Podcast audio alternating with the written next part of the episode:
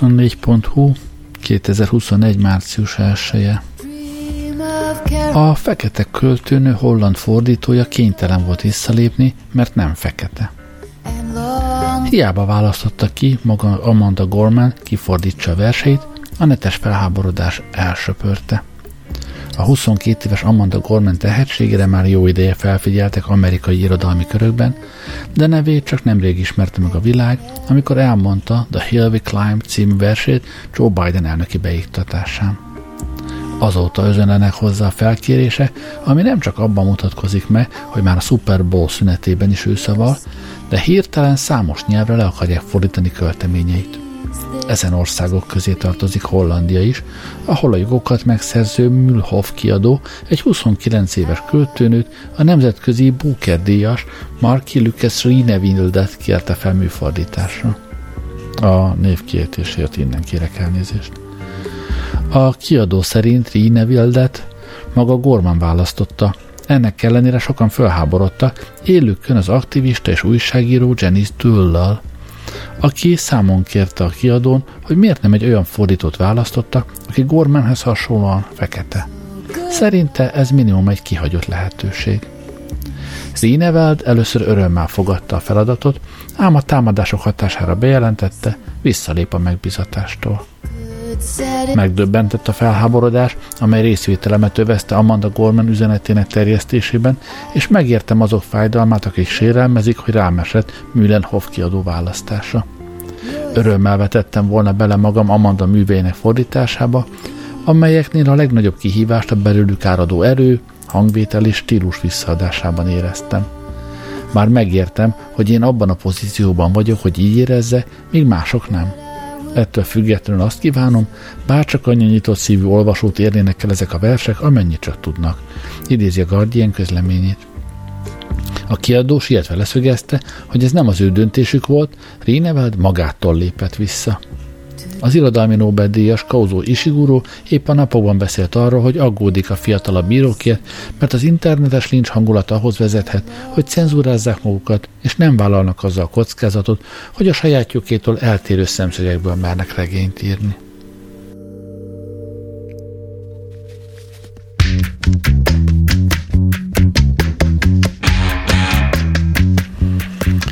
Itt van tehát egy uh, fehér, hogy a kép egy kicsit még komplikáltabb legyen, non-binary szexualitású fordító, aki visszaad egy fordítást, amit közvetlenül a, a költőtől kapott, azért, mert a helyi aktivista úgy gondolja, hogy hát nem fehér embernek kellene fordítani egy fekete költőnő szavait.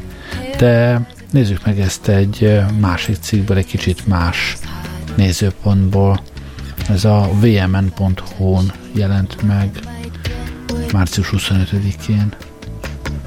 Színvaknak kell lenniük a művészeteknek. Lefordíthatja egy fehér műfordító egy fekete költő műveit. És fordítva, mi a helyzet a filmekkel, a színházzal? Csak a karakterrel azonos származású színész bújhat egy szereplő bőrébe? Nincs, nincs egyszerű válasz a kérdésekre, de szakértők bevonásával megpróbálunk rávilágítani arra, hogy miért problémás a fekete karaktert fehér színész játszik el, mi az a színvak és az, Amerika, és az Amanda Gorman európai fordítása körüli botrányt kirobbantó holland aktivist is elmondja, hogyan siklott félre egy konstruktív vitanyító véleménycikk. Soha nem írtam olyat, hogy fehér műfordító nem fordíthatja le egy fekete költő műveit. Ez eleve egy nevetséges gondolat, mondja Leideni otthonából Csenésztől, akinek a hangjában a videóhíváson keresztül is hallani némi elkeseredettséget. A szurinemi származású holland aktivista és újságíró véleménycikke lavinát indított el Európában. A Joe Biden amerikai elnök beiktatásán szavaló fekete költő Amanda Gorman művének fordítására felkért pókerdíjas, fehérbőrű, nem bináris holland író visszalépett a feladattól dölt cikkének hatására. A legtöbben azt emelték ki a véleménycikkből, hogy fehér fordító nem fordíthatja le egy fekete költő műveit, pedig Dől csupán arra akarta felhívni a figyelmet, hogy Hollandiában számos spoken word, itthon a slam poetry műfaj áll hozzá legközelebb, költő van, többségében feketék és nők, és talán érdemes lett volna közülük választani. A fő üzenetem az volt, hogy az irodalmi világnak ki kellene tárni az ajtaját olyan emberek és műfajok előtt, amelyek tradicionálisan nem részei a rendszernek, Janice Döll, aki irodalmat és nyelvészetet tanult a Leideni Egyetemen, és tagja az Amsterdami Művészeti Tanács és a Holland Kulturális Tanács tanácsadó testületeinek. Eltékozott lehetőség, hogy nem egy fekete nő, spoken word művész kapta a felkérést, hogy a történelem ezen pillanatában, a Black Lives Matter morzsolom idején Amanda Gorman művét lefordítsa. Nyomatékosítja dől, aki úgy véli, téves feltételezés, hogy a fordító láthatatlan, hiszen az identitását és az ebből fakadó élményeit akarva akaratlanul beleszövi a munkájába. Az, hogy kikinek kölcsönözheti a hangját szó szerint és átvitt értelemben, valamint, hogy kikinek a bőrébe bújhat, jó ideje diskurzus tárgya a művészetekben, de látszólag továbbra sem egyértelmű, miért van rendben egyes esetekben, ha egy színész egy másik etnikumú vagy bőrszínű karakter bőrébe bújik, míg más esetekben ez óriási felháborodást kelt. Ott van például a közelmúlt egyik olyan budapesti bemutatója, amely az Egyesült Államokban is megdöbbentette az esetről értesülő kritikusokat. 2018. januárjában ismét bemutatták George Gershwin operáját, a Porky és Best, a Magyar Állami Operaházban, és a társulat tagjai többségében fehérek voltak. Korábbi évtizedekben is játszották már az operát itthon, akkor feketére maszkírozták a fehér színészeket. Az 1935-ben bemutatott szerelmi történetnek szimbolikus jelentősége van az Egyesült Államokban, a New Yorki Metropolitan Opera kiemelt produkcióként mutatta be. Elsőprő sikerrel, fekete művészekkel és alkotókkal. A műnek opera történetileg is nagy jelentősége van, a maguk eredetiségében emelte be a tradicionális fekete ritmusokat és dallamokat az opera színpadra. Ha a magyar párhuzamot szeretnénk keresni, talán Kodály székely fonóját lehetne említeni. A Porgy és Bess egy képzeletbeli fekete közösségben játszódik az amerikai délen, a szegregáció idején. A rasszizmus, a függőség és a nyomor fémjelzi a cselekményt. Gershwin pedig jelentős gyűjtő munkát végzett azért, hogy a zenei agya autentikus legyen. Komoly zenei körökben köztudott, hogy a jogkörös, jogörökösök azt is kérték, hogy fekete színészek játsszák a darabot, és ez volt az alkotók szándéka is. A magyar produkcióban azonban ezt figyelmen kívül hagyta, és egy repülőtéri hangárban levő menekült táborba helyezték át a cselekményt. Az angol sajtóban finoman szólva is megdöbbentek a magyarok újításán. Ezzel szemben az amerikai alapítóhatják történetét latino és fekete színészekkel 2015-ben újra álmodó Hamilton című musical az elmúlt időszak egyik legnagyobb Broadway sikere. Azt hiszem, ezt a cikket nem, nem olvasom tovább. Az izgalmas része végül is elhangzott, de hát jó kérdés, hogy miért ne szinkronizálhatna fekete rajzfilmfigurát fehér szereplő, vagy éppen fordítva, de a legizgalmasabb kérdés az, hogy ki az, aki ez ügyben szót emelhet. Hát ki más, mint az aktivista.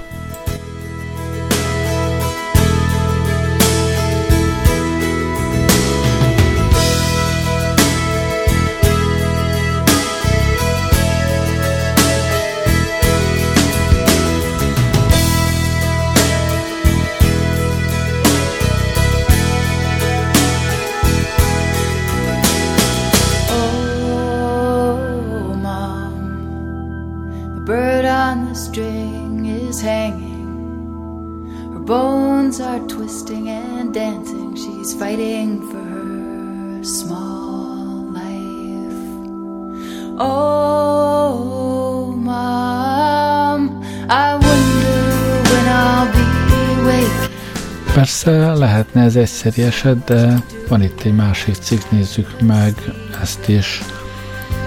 Ez a könyves magazinban jelent meg. Amanda Gorman katalán fordítójának is vissza kellett lépnie.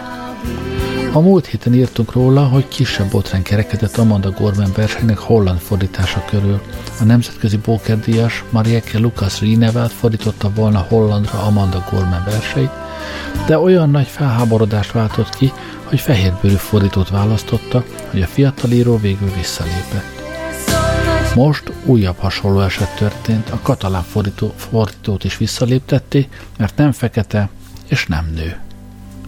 Gorman verseit Viktor Obiols fordította volna katalánra, azonban most mégis azt mondták neki, nem alkalmas a munkára. A műfordító azt nyilatkozta, nem a képességeit kérdőjelezték meg, hanem arra hivatkozta, hogy más profilú alkotót keresne, olyat, aki fiatal, nő, aktivista, és ha lehet, akkor fekete. Viktor Obiols, aki többek között Shakespeare és Oscar Wilde műveit is fordította már, a barcelonai Univers kiadó kérte fel három hete, hogy fordítsa le a The Hill We Climb című verset, melyet Oprah Winfrey előszavával fognak kiadni. Miután befejezte a munkát, kapott egy üzenetet a kiadótól, hogy mégsem ő a megfelelő személy.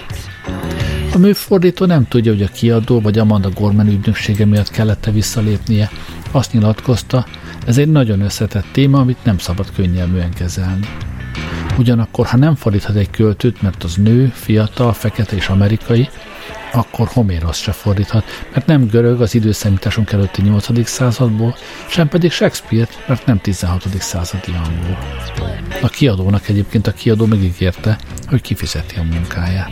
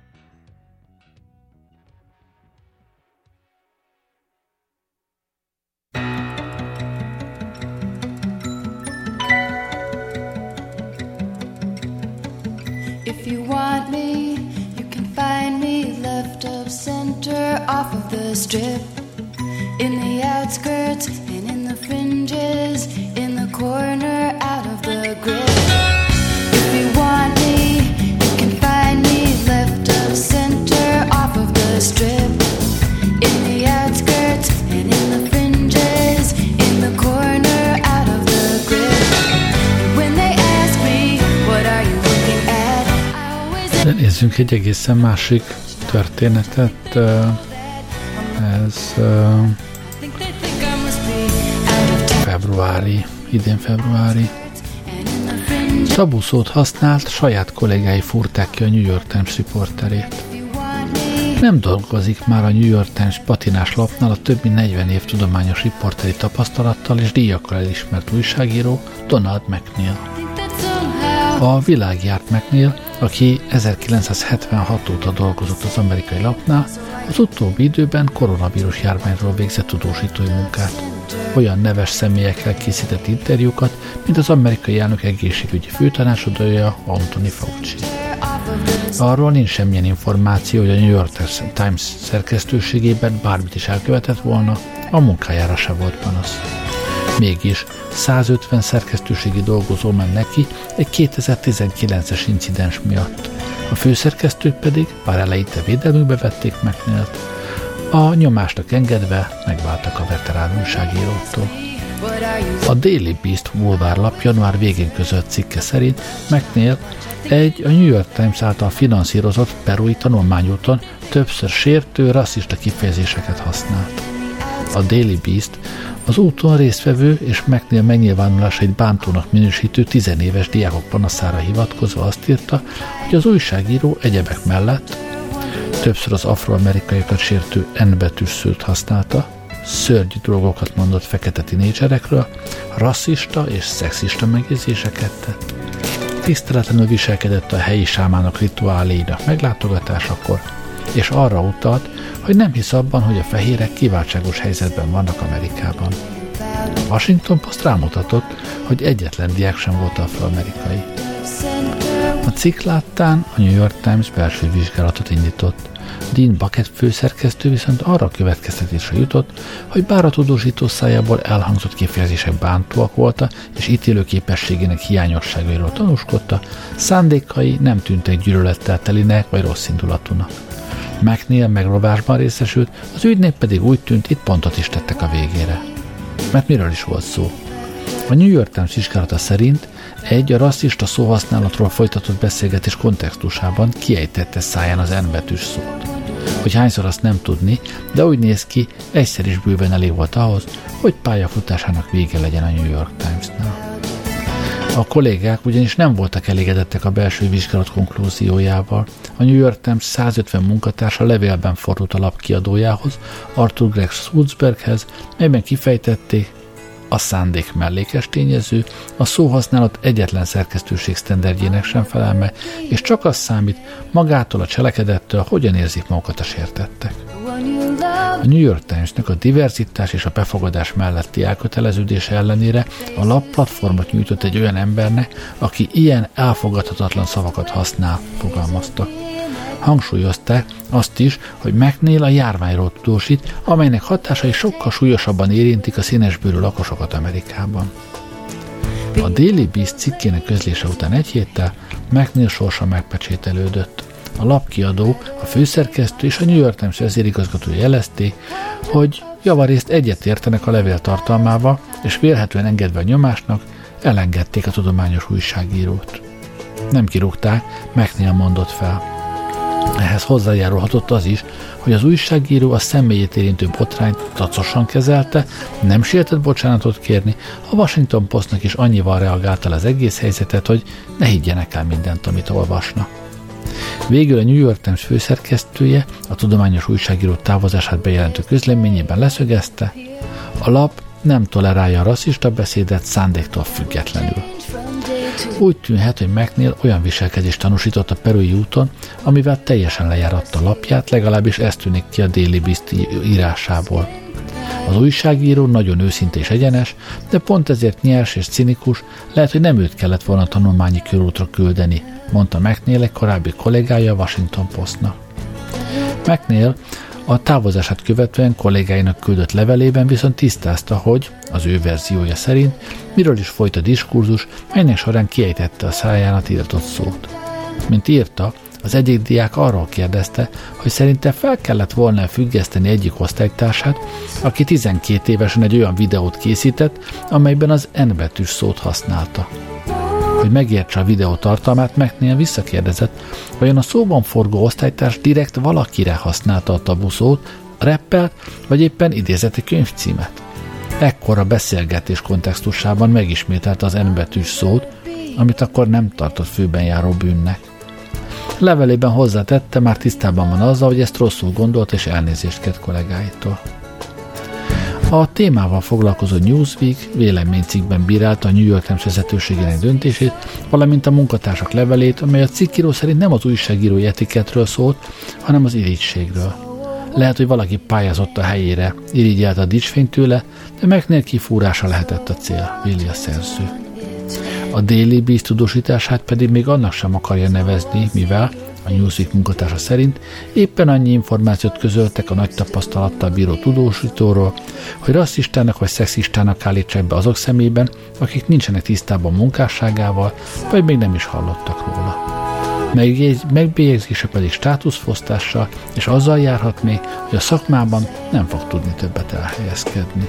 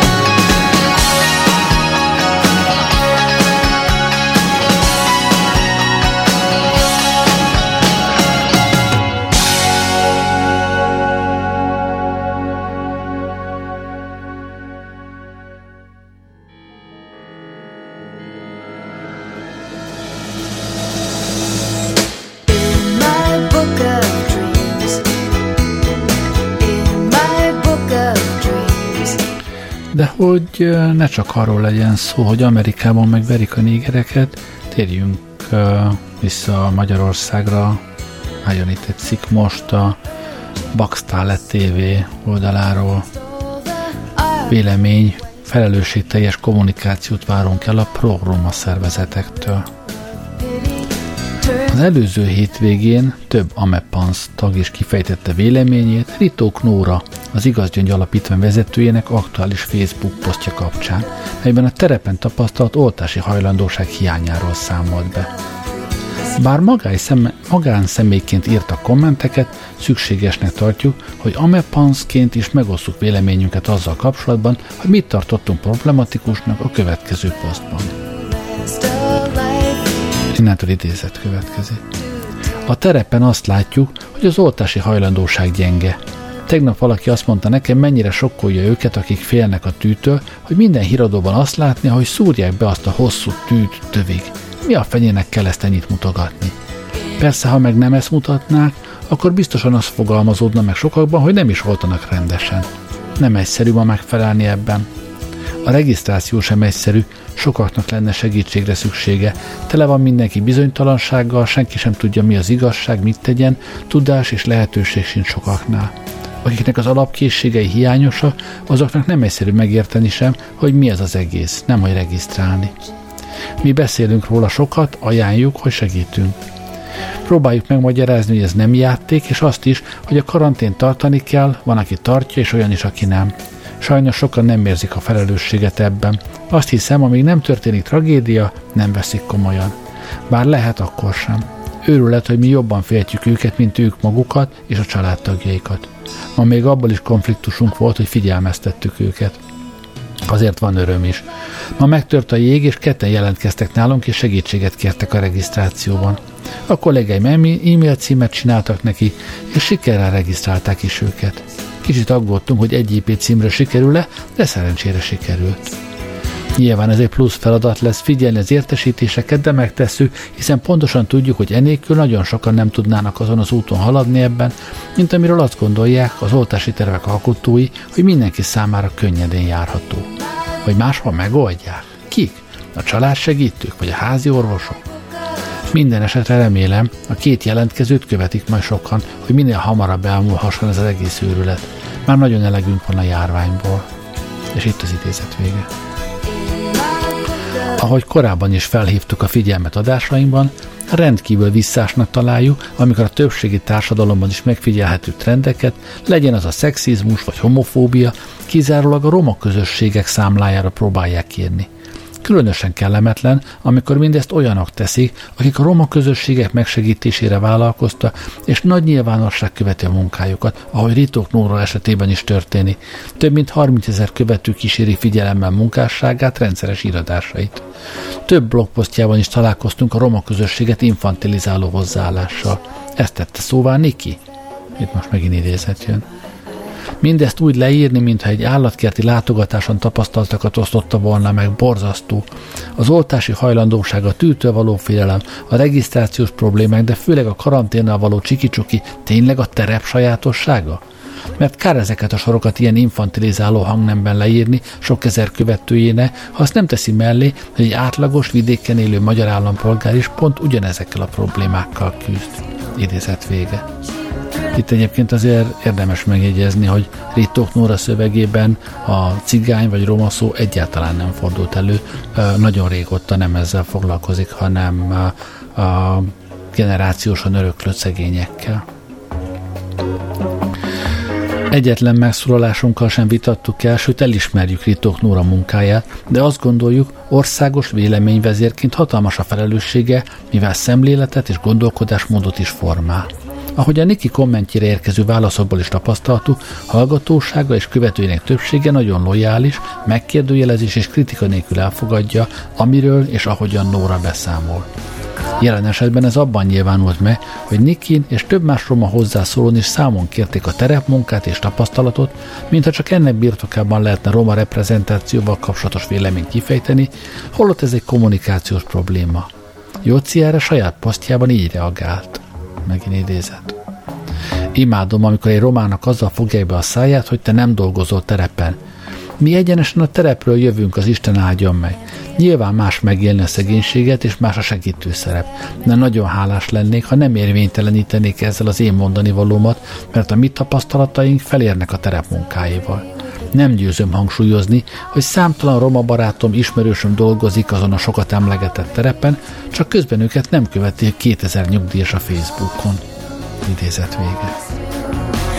A kommentekben és személyes üzenetekben is megkaptuk az eset után, hogy lájkvadászok és ügyeletes kötekedők vagyunk, csak szítjuk a konfliktusokat az amúgy is megtippázott magyar civil társadalomban, és csak a bajt keverjük. Szeretnénk leszögezni, hogy a célunk nem ez, hanem hogy tabuk nélkül, nem az asztaladat átadott cetlikkel kommunikálva világítsunk rá olyan mechanizmusokra, melyek már régóta métejezik a magyarországi viszonyulást a roma integrációhoz, Ebben az esetben is az vezérelt minket, hogy egy korábban nem kihangosított, pusztán magunk közt emlegetett trendre hívjuk fel a figyelmet. Hisszük, hogy ezeken a kirekesztő és a roma embereket másnak, a másiknak, különösként kezelendőnek feltüntető paternalista diskurzusok megváltoztathatók, de ehhez azoknak a szereplőknek az őszinte reflexiója szükséges, akik hatással tudnak lenni a roma reprezentáció közbeszédben vagy szűkebb értelmiségi körökben való alakítására. Ehhez pedig elengedhetetlen a hárítás helyett az elismerés, de legalábbis a változásra való nyitottság, és a hajlandóság arra, hogy a roma emberek, szakértők konstruktív kritikáját a személyeskedés kizárásával őszinte érdeklődéssel meghallgassák.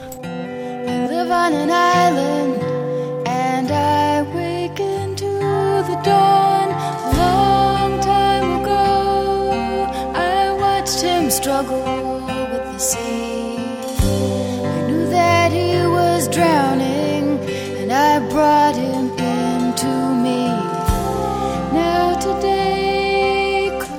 hogy ne csak idézgetés szintjén merüljön föl, legyen itt a az egyik ilyen Facebook bejegyzés teljes egészében, amiből az előző cikk csak idézett. Márton Jocé február 26-án. Egyet mindenek előtt szögezzünk le, hogy a terepmunka és az országos véleményvezér az két különböző pozíció. Bár a kettő megfér egymás mellett, és jól lehet azokkal együtt vinni, sőt erősít is egyik a másikat. Hitelesé teszi a tudósítót a mögött álló szakmai munka, és közismert segítőként könnyebb forrást találni a kitűzött cél elérésére. De a véleményformáló szerep az szintiszta kommunikáció. És akkor, amikor én vagy más romatársam kifogásolja ezt, akkor mi csupán erre szorítkozunk. Ezért feleslegesnek találom, amikor valaki eredményeket olvas rám, ez nem fogja be a szám. Ebben a vitában nem számít, hány kiló krumplit tett el a közösséget élire, és melyik családnak sikerült visszakötni az áramot, mert nem a munkájának az érdemét szeretnénk kisebbíteni, csupán felszeretnénk hívni a kedves figyelmét azokra a kommunikációs hibákra, amiket folyamatosan elkövet a mi kárunkra. Mert ez roma reprezentáció, ha tetszik, ha nem. Ugyanis akinek az országos média, minisztériumok, intézmények kérik folyamatosan a véleményét, az nem a kis falujának a programját képviseli csupán. Akkor, amikor ez a személy kiáll, és hátrányos helyzetű romákról beszél, akkor a falutól 300 kilométerre levő tévénéző azt rám is ugyanúgy érvényesnek fogja tartani.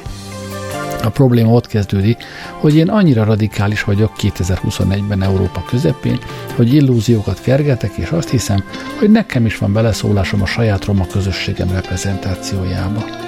Ezt a fehér egyházi misszionáriusok sem szerették Afrikában, de az a rossz hírem van, hogy jobb, ha a magyar fehér megmentők hozzászokna, mert a világ szerencsére változik, és ennek mi is részesei vagyunk, és hamarosan eljön az az idő, amikor nem a nyúl fogja vinni a puskát. Imádom, amikor egy romának azzal fogják be a száját, hogy te nem dolgozol terepen. Mi egyenesen a terepről jövünk, az Isten áldjon meg. Nyilván más megélne szegénységet és más a segítőszerep, de nagyon hálás lennék, ha nem érvénytelenítenék ezzel az én mondani valómat, mert a mi tapasztalataink felérnek egy terep munkáival. Nem győzöm hangsúlyozni, hogy számtalan roma barátom ismerősöm dolgozik azon a sokat emlegetett terepen, csak közben őket nem követi 2000 nyugdíjas a Facebookon. A legpofátlanabb, amikor a következő sorokat kapja az ember – Egyikük sem csinálja azt, amit én, csak messziről nézik. Beszéljünk kicsit arról is, hány fehér szakember ül azokban a pozícióban, ahol a különböző egyetemekről kikerült romáknak kellene. Vagy ez túl kényes. Ők nem akarnak kemény munkával sikert, ők 50 évesen is junior gyakornokok szeretnének maradni egy-két évre szóló szerződésekkel, roma témával foglalkozó szervezeteknél, a fehér vezetőjük alatt. Tőlem lehet bárkinek az az élet célja, hogy még itt a Földön szenté váljon, a világért sem akarom ezt megtorpedózni. De asszisztálnom is kell ehhez? Szerintem nem.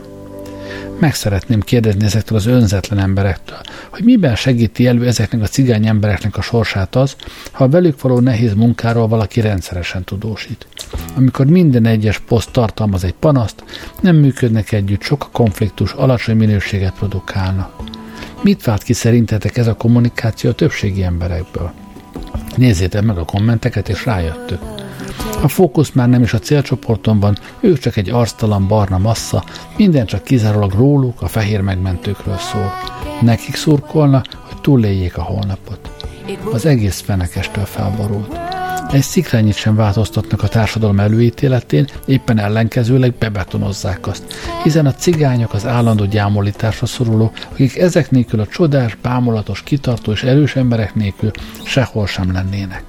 Minden a segítő személyek körül forog, aki beáldozza a célcsoport megítélését, csak, at- csak azért, hogy ebből ő jöjjön ki győztesen. Milyen makacsok ezek a cigányok, de ez a kedves ember nehéz munkárán, vérrel, verejtékkel, de jó irányba tereli őket. Ha nem tudatos, akkor most szólok, hogy ez az eredmény ennek a kommunikációnak. Az enyémnek meg az, hogy utálnak. Looking down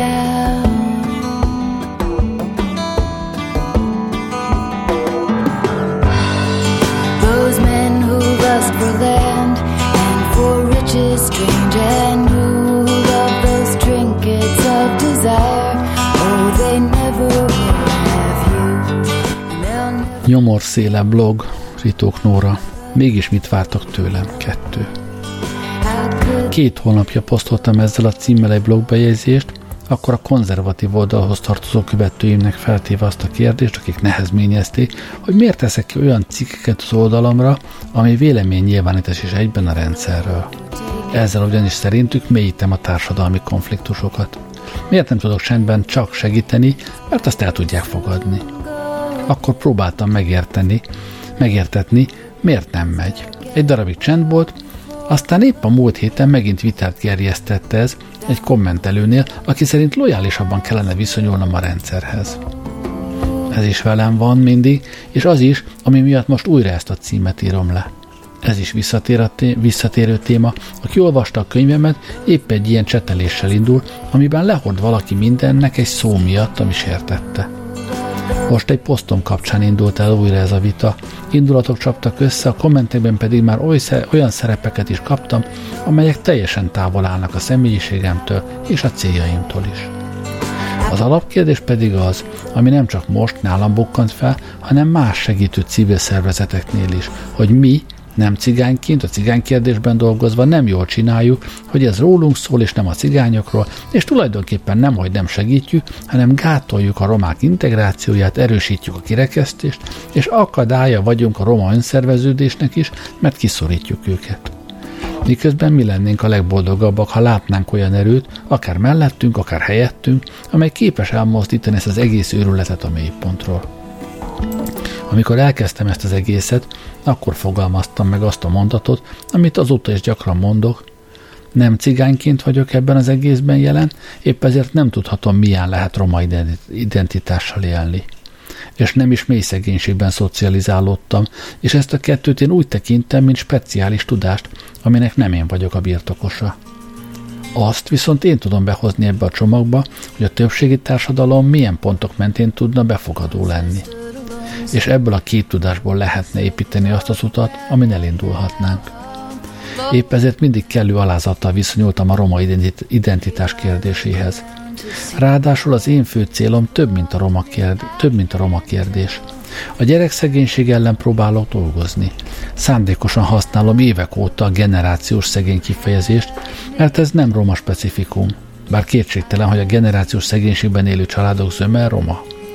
Pont azért fogalmazok így, hogy ne etnicizáljam a problémát. Soha nem cigányoztam, nem én látok bele általánosítást. A baj sokkal inkább a szocializációval van, legalábbis én így látom. Azzal, amivel belenőnek a gyerekek. Az elején nem is volt semmi gond, azt hiszem.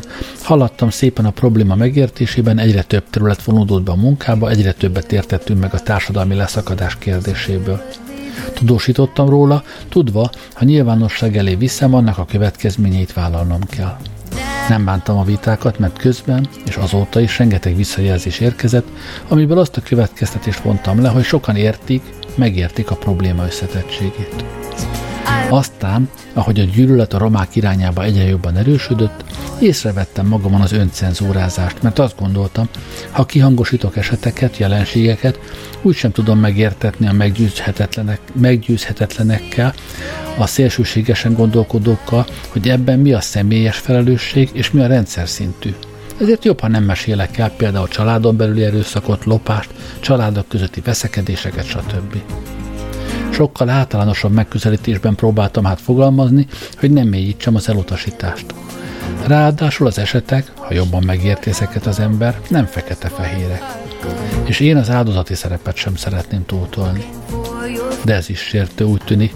Most megkaptam az ebben a szerepben tetszegő fehér megmentő jelzőt, amiben magamat építem, népszerűségre törekszem, közben pedig lenézem őket és erősítem a romák kirekesztését. Teszem mindezt felelőtlenül a nyilvánosság előtt, kizárólag magamért.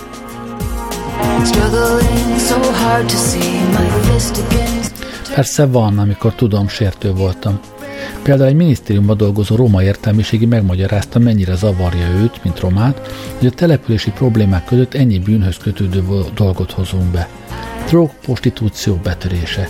Nyilván nem tudunk arról, mondta például, hogy a cigánylányok legféltettebb kincs a szüzessége. Nem bírtam, máig is szégyellem, hogy mennyire kiakadtam, de épp aznap azon dolgoztam, hogy segítsek egy roma lánynak, akit eladtak prostituáltnak, romák. És egyébként is, én csak a szakirodalomban találkoztam efféle kincsként kezeléssel. Én szeretem azokat, akikkel és akikért dolgozunk. Nekem mindegy, hogy roma vagy nem roma. Együtt síratom meg velük azokat, akiket eltemettünk, együtt örülünk a születéseknek, és támogatjuk mindenben a kisbabákat, hogy egészségesen fejlődjenek. De rengeteget harcolunk is, nem a roma identitás miatt, nálunk ez el sem hangzik sosem, hanem azok miatt a túl, túlélési stratégiák miatt, amelyek sohasem fogják őket az integráció irányába vinni. A fekete zóna, a bűnözés, a munkavállalói kompetenciák és az önfenntartási képességek hiánya, a tanult tehetetlenség, az eladósodás, a családon belüli erőszak, a kommunikáció, stb. mind olyan része ennek, amivel számolni kell, amiről beszélni kell. Akkor is, ha rossz szembesülni vele.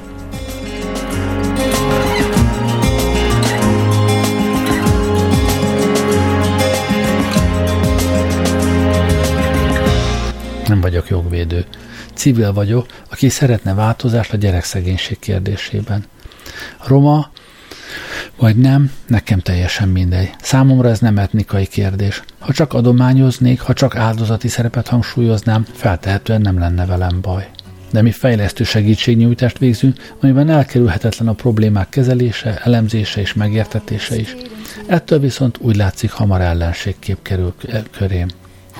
Persze, el lehet minket marni a terepről, csak azt nem tudom, ki áll majd a helyünkre. Ki fogja akkor segíteni a családokat azokban a helyzetekben, amiben a rendszer nem fogja. Nem tolongít senki a terepi munkáját, aminek a feltételeit is annak kell megteremteni, aki belevág.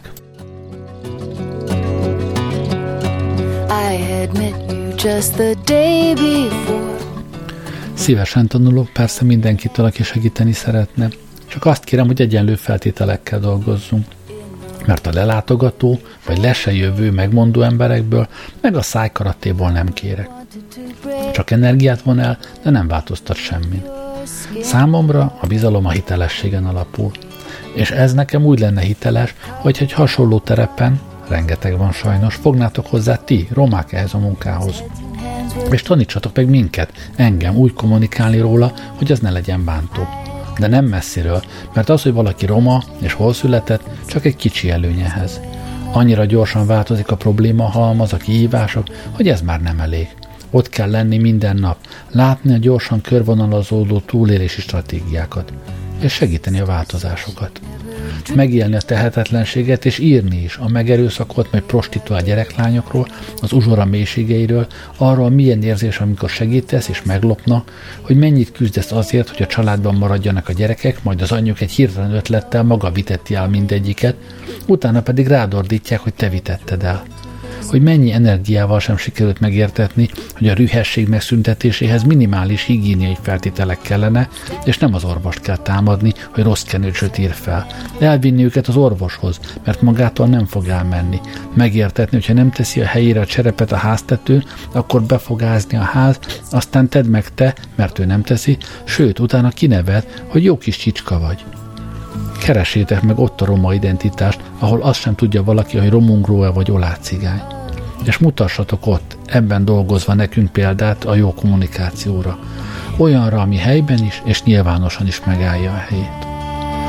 Megkérdezhetném még, hogy a sikerekre miért nem reagáltok így hevesen, mert arról is szoktam írni, hogy miért beszéltek velünk, nem cigányokkal fölényeskedve, miközben azt olvassátok ránk, hogy mi nézünk le titeket. De én nem szeretném ezt a vitát folytatni, úgy érzem nem ez a dolgom.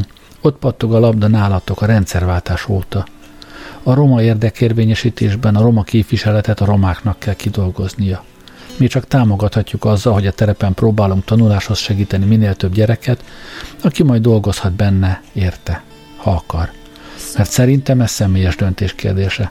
Tényleg, vajon hányan véleményeztétek a roma stratégiát a társadalmi vitában decemberben? Ti, akikről szólna.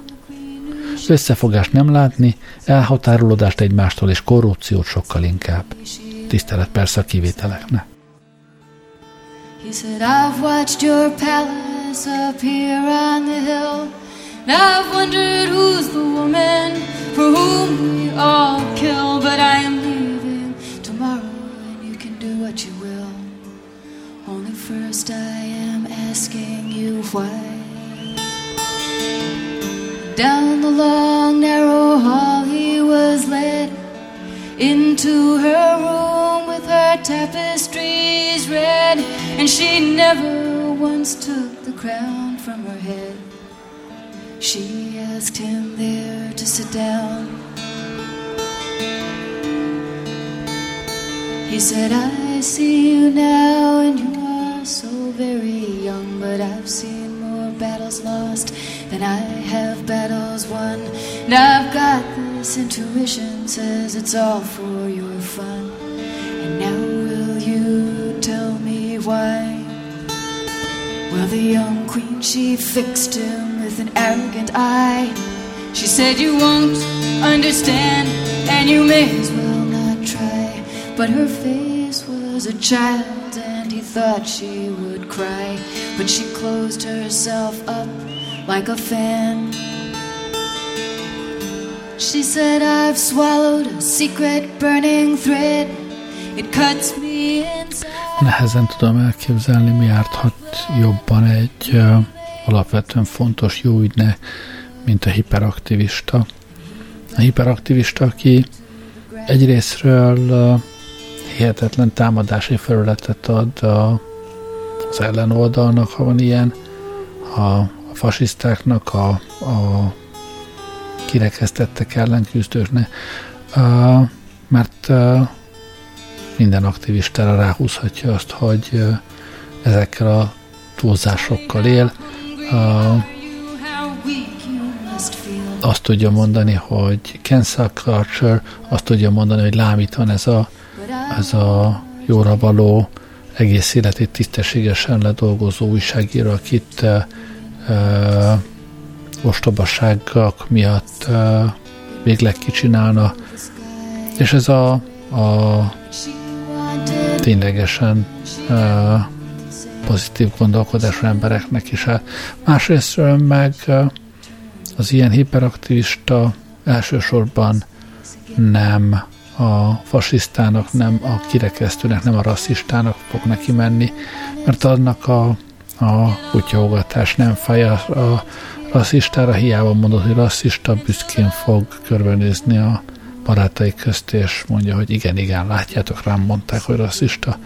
Kinek fog neki menni elsősorban? Annak, akinek, akinek ez fáj, annak, akit ezzel ki lehet csinálni. Nem véletlen, hogy nem a Fox News-tól raktak ki ezzel egy újságírót, hanem a New York Times-tól. Nem véletlen, hogy nem Bayer Zsoltnak, vagy a, az egész kicseszett nernek megy neki a roma hiperaktivista, hanem annak a Ritók Nórának, aki egészen páratlan munkát végez kint a terepen. Óvakodjatok a hiperaktivistáktól. Hát nagyjából ezt akartam ma elmondani nektek. Köszönöm, hogy velem voltatok ma este. Jó éjszakát kívánok. Galera a Dios.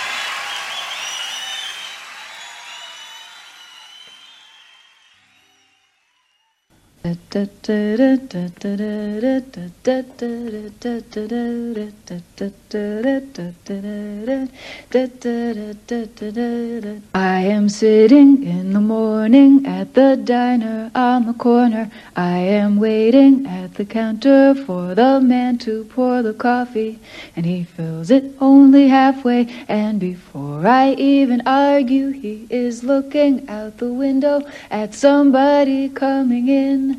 It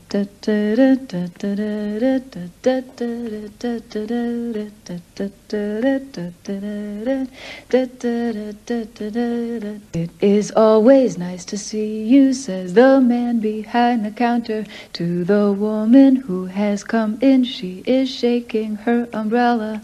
And I look the other way as they are kissing their hellos, and I'm pretending not to see them. And instead, I pour the milk I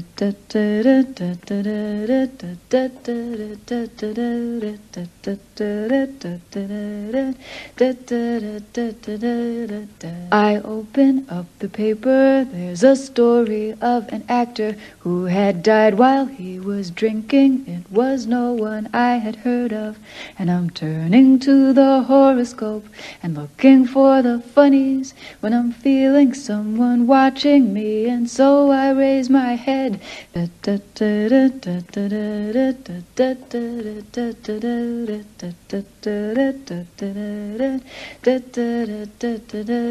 There's a woman on the outside looking inside. Does she see me? No, she does not really see me, cause she sees her own reflection. And I'm trying not to notice that she's hitching up her skirt, and while she's straightening her stockings, her hair has gotten wet.